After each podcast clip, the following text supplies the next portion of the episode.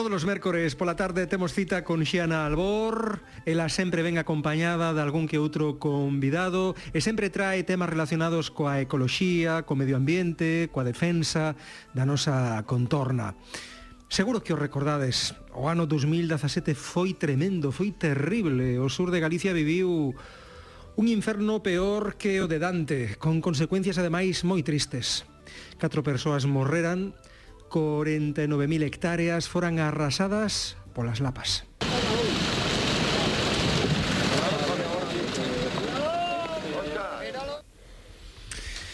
Terrible, Xiana Albor, só recordalo, poñenseme os pelos de punta.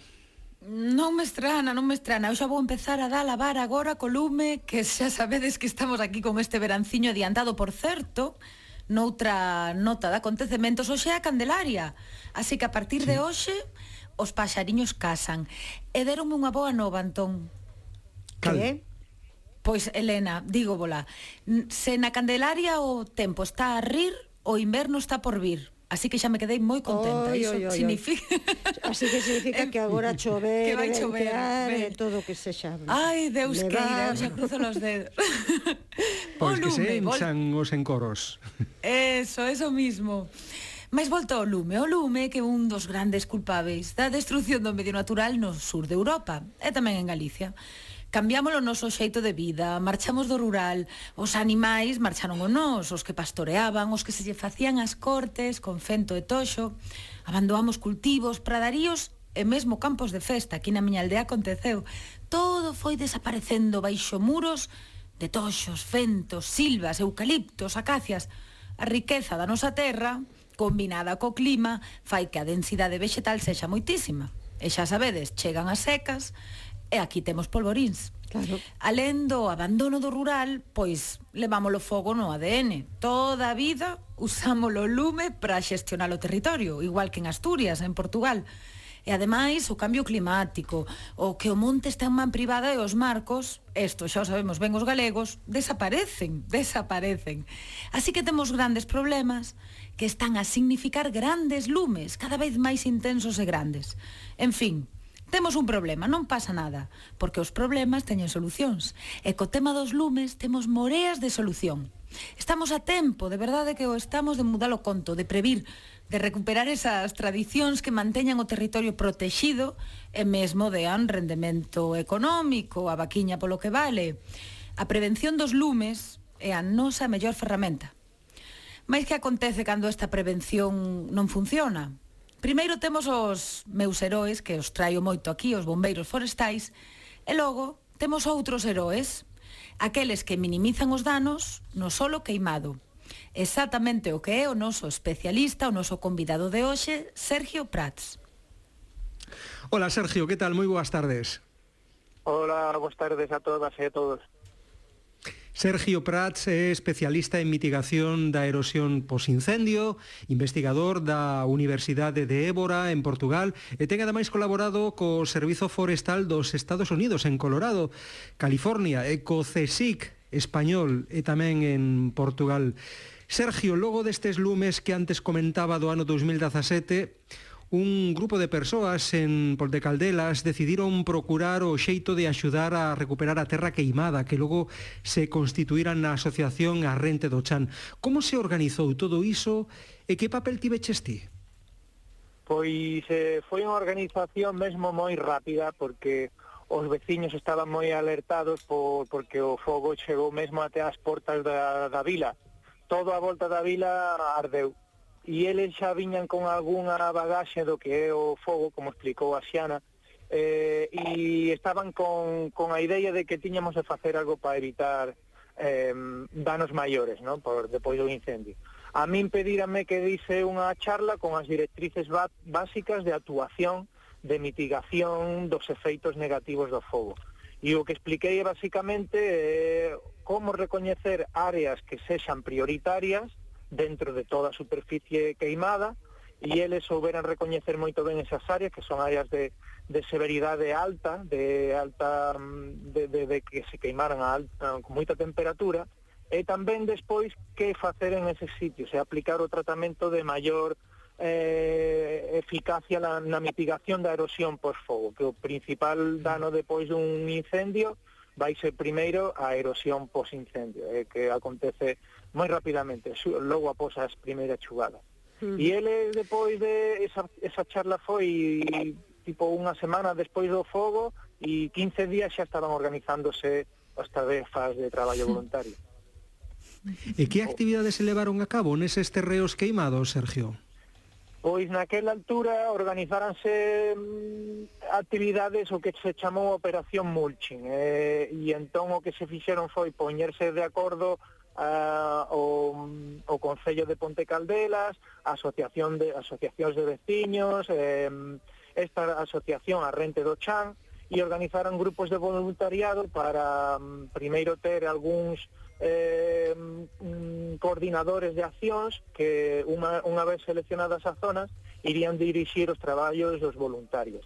Por outro lado, eh, adquiriran material que principalmente foi palla, pero tamén houve materiais como eh, restos de madeira triturados, tamén restos de millo triturado, eh, os paus no, de millo, eh, compraran palla a Castela, e os veciños con os seus tractores distribuíran a palla ata os sitios onde os voluntarios despois ian aplicando a palla. Iso foi a operación mulching e depois fixeron tamén outra cousa que foi Como lle chamaxe operación... operación? Mulching. Eh, mulching. Eso do mulching eh, sería mellor explicar un pouco. Mulching é por un coberto orgánico en, en riba do solo. En vez de ter o solo con a terra, en superficie o que pomos é unha capiña, unha, cama, unha camadiña pequena de, de palla ou, ya digo, ¿Y restos de poda triturados, iso é o mulching. Vale. Cubrir o solo, cubrir o solo, neste caso, a man. Eh, e ese foi, en definitiva, a operación mulching e foi moi rápida. 15 días despois do incendio, o cual é un, un éxito tremendo, non é posible facelo máis rápido, É dicir que o mulching é moito difícil facelo mal, porque poñer palla na terra é sumamente complicado facelo mal. Ponse a palla e distribuíla o máis homoxéneamente e, e, e a mínima cantidade posible. Eh, e despois xeran outra actividade que, descu, perdón, eh, foi a actividade mm, da, mm, das landras. Eh, chamouse Operación Landra. Uh Esto fue como Lander. nos llamamos.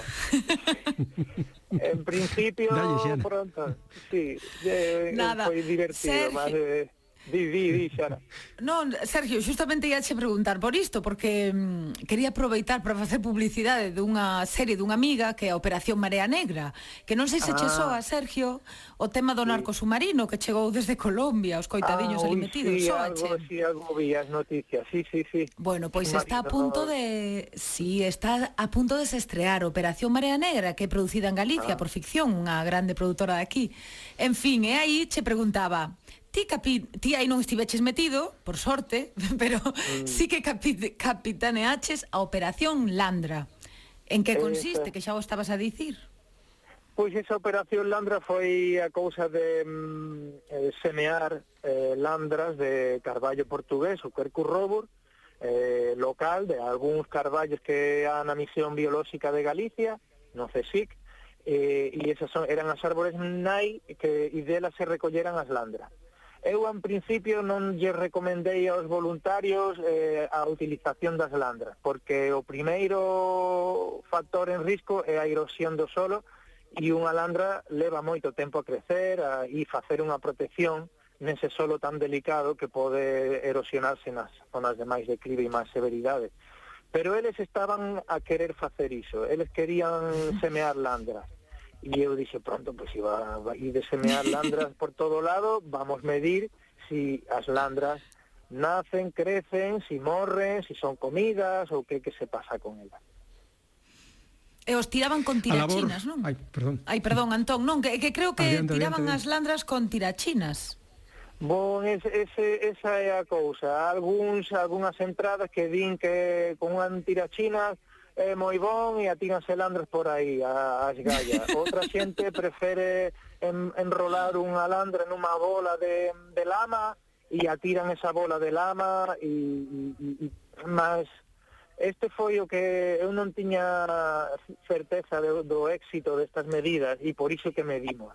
Nos enterramos as landras 4 ou 5 centímetros con unha enxadiña pequenina e tapamos a, o burato para ter certeza de que os animais non se van a comer a, a landra en, no campo, porque xa li algúns traballos, algúns estudos onde di que se si tú pos unha landra no campo, eh, os ratóns van comer a landra rapidamente.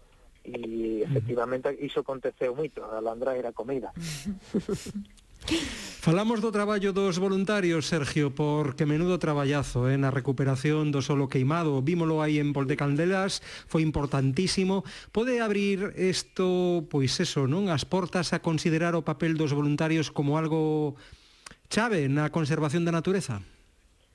Sí, eu imagino, eh, imagino que un estudo me dá ideia que é bon ver o froito dese esforzo. A, a máis valía deste traballo é que se fixo unha cousa e medimos se si esa cousa foi efectiva ou non. E esa é unha parte que vai axudar moito a que os voluntarios non sexan só persoas que senten que ten de facer algo e queren ir facer algo e van e, sem, e, e, e plantan unha árbore ou fan algunha actividade na natureza, sino que tamén fan o seguimento, saber cuál a consecuencia diso porque hai moitas veces que os voluntarios cupan con moita, moita paixón a por unha árbore, e a árbore non é aceitada, unha árbore invasora, ou pode a árbore morrer, e xa o que vimos con as landras é que despois de todo o esforzo só un 2% sobreviveu despois Ai, de pouco. un ano e medio. Iso moi, moi pouco. Hmm. Que pero. Claro, pero non é así tan mau se si pensamos que no estudo fixemos outra cousa, non foi só medir eh, en zonas que se queimaran, sino tamén en zonas que se queimaran e nas cuais colocamos mulching de palla. E o que vimos é que con mulching da palla o éxito foi un poquinho mellor. As landras sobreviviran un poquinho mellor. Non é moito grande, foi un 5% que sobreviveu, pero bueno, o mulching axudou a non perder eh, nutrientes, e imaginamos que axudou a máis cousas en, e, e ela sobrevivirá máis naquela parte. De cualquier mm. forma, o que tamén nos axudou a saber é que plantando landras sen neñún protector, así a, en, en buratiños, há moitas perdas por ratos e por cabras, herbivoría, eh, há moitísimas que non xerminan, entón todos estes mm, efectos eh, poderían ser resolvidos de outra forma. Há algúns estudos que mostran que con un protector de, de landras eh, a sobrevivencia podía ser un pouco maior, si planta unha plantiña pequenina eh, tamén un pouco maior, si, claro, si evitamos que as cabras coman a planta, pois vai ser mellor, e despois que non é unha cousa tan urxente como para facer despois do incendio, porque eh, há, há sitios onde a regeneración natural do carballo é moi alta, e só vamos poder saber esa regeneración do carballo despois dun ano, ver se si há plantiñas de carballo ou non. Entón, isto das, das landres da sementeira era mellor facelo máis pa frente. O primeiro factor despois do incendio é a erosión pos incendio. E esa sí que foi ben a, a mitigada con o mulching que non é unha cousa nova, nos Estados Unidos ven facendo iso desde xa algunhas décadas. Mm. Vou recordar os ointes da tarde que estamos conversando con Sergio Prats, que é especialista en mitigación da erosión post-incendio, Seguro que coñeces aquela canción das tanxugueiras de Non hai fronteiras, Pois no tema do lume, desde logo, non hai fronteiras, Sergio, por iso é tan importante a coordinación a hora de traballar na prevención. Eh, ese se isto falla na, na extinción. Que tal funciona, por certo, a coordinación Galicia-Portugal no ido dos lumes forestais? Pois hai sempre unha Eh, eu penso que sobre todo no caso do norte de Portugal, Galicia, a colaboración é bastante estreita. É unha rexión, unha rexión estratégica que xa ten un consorcio propio e con relación aos lumes eh, há un proxecto que se anda eh, desenvolvendo en Portugal e está a ser eh, copiado no norte na, na Galicia que é o de Aldeas Seguras Este proxecto que quere é facer con que as aldeas como Ponte Caldelas non teñan a volta estruturas eh, que posan arder ou que, que estexan abandonadas e que teñamos unha carga de combustible, un polvorín á volta da vila. Tentar facer con que as aldeas sexan de facto seguras. E esta idea eh, foi desenvolvida, se, se non me engano eu, en Portugal e trans, transbordou para Galicia e há varias estrategias de facer estes estes proxectos de, de seguridade en, nos dous casos. Tentar eliminar invasoras e introducir vegetación autóctona, eh, criar discontinuidades de vegetación á volta da aldea, eh, estrategias para que o fogo non consiga pasar todo a volta dunha vila con riscos na, nas persoas, riscos na vila, estruturas, natureza e todo iso. Uh -huh. Sergio, a verdade é que mm, Eh, eu non sei se en todas partes eh, os veciños farían como en Ponte Caldelas. Quero de, decir que eu vexo unha concienciación aí e eh, unha gana de traballar man con man por todo o que estás contando que non sei se eh, o hai en, en outros territorios, noutras áreas, noutras comarcas. Non, a verdade é que non é así moi común. Eh, eh, os meus colegas chaman, hai un, un indicador que se chama de gobernanza, é de como a, a, as, persoas, as persoas se organizan dentro de unha estrutura social. E cando a gobernanza é moi forte, quer dicir que hai moitas asociaciones ou o asociativismo é moi alto, as persoas están implicadas a organizacións de, dos veciños e man, mancomunidades de propietarios, de florestais, de, de, de empresas, e entón há máis fluidez e há máis democracia e é, si é o mellor máis fácil que trans, que permeen algunhas outras actividades máis innovadoras.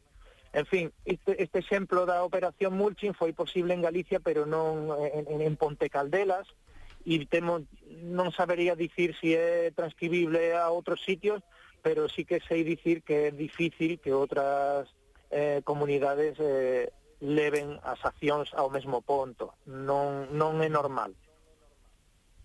Eh, Xena, queres facer a última pregunta, Sergio? Bueno, quero, porque eu quería decir o chiste de que non sei se vos fixastes que ten acento portugués. Sí, non lle notades o sotaque. Un pouco. Ten, ten. Eh, bueno, tamén pero... notei algo de acento americano, eh? un pouco, pero malagueño non lle notastes. Ah, tamén. Ah, no, eu... El é de Málaga, o que pasa que como leva tempo traballar... que, que non mestura, parece. eh? ten ese reunión e así, pois como leva tempo traballando en Portugal, pois eu quería preguntar se teñen outra conciencia en Portugal no tema da recuperación dos solos degradados polo lume. Pois eh, iso só o mellor comezou a, a mudar con, con os lumes máis potentes que houbo desde mm. o ano 2010, Os primeiros proxectos en que eu entrei a traballar foi no 2005 e xa había unha preocupación pola erosión posfogo. Eh, o problema é que mm, con a expansión do eucaliptal e despois con o abandono do rural, o, a paisaxe e a floresta se quedou bastante transformada e abandonada. Entón, os incendios vieran a sumarse a esa rede de, de abandono e aí comenzaron a sair bastantes proxectos para a recuperación dos solos ardidos. E é verdade que eles teñen un traballo feito, mas é tamén unha cousa puntual. A núcleos onde as actividades científicas se desenvolven un pouco máis, mas sempre é necesario que isto transcriba, que permee para a sociedade. Non é moi fácil que iso aconteza. Nos Estados Unidos, por exemplo, sí que se, se produce iso, pero non en todos os sitios en Portugal temos avanzado bastante con a, a, os restos florestais triturados e se demostrou e está bastante ben explorado ese ambiente que é capaz de ser un material que posa suplantar a palla cando non é bon ou doado utilizar a palla. Pero bueno, eu diría que eh, está ben, vamos dando pasiños Pois Sergio Prats, foi un placer terte con nos aquí no programa, pero antes de que marches, temos un agasallo para ti, un agasallo para os teus oídos, aquelo que cantaba Joe Cocker, quen ten un amigo ten un tesouro, e quen ten un voluntario tamén o ten. Escoita, escoita.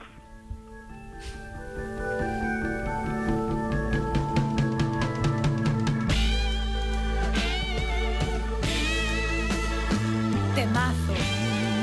Sí. Non era da serie Aqueles maravillosos anos? Esto? Sí, era, Creo que era. sí. Era, sí, ¿no? sí, sí. No, esta, mm. esta música é magnífica. Sí, pois pues para ti, Sergio, con todo o noso cariño. Nada, moitas gracias, un abrazo, unha aperta. Coídate moito, atacando que era, Sergio Prats. Nada, Coídate, nada, chao. un abrazo. A vos. What would, What you, do would you do It's just out of tune. Eu intentaría cantar, pero como non teño a letra... Dalle, Elena, se tía tes aí. No, deixa, deixa. Deixa, Elena, deixa así. Que cante yo. Que eh, cante Xana. mellor.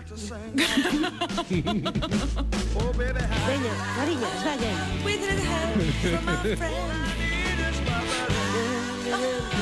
with my friends.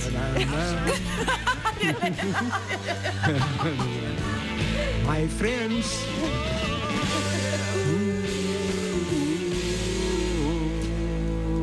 wow. Qué coros, qué coros.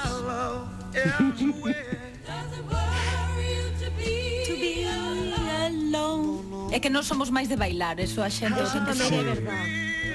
he de pisar cuando bailamos también. A Eurovisión non chegábamos, no, no.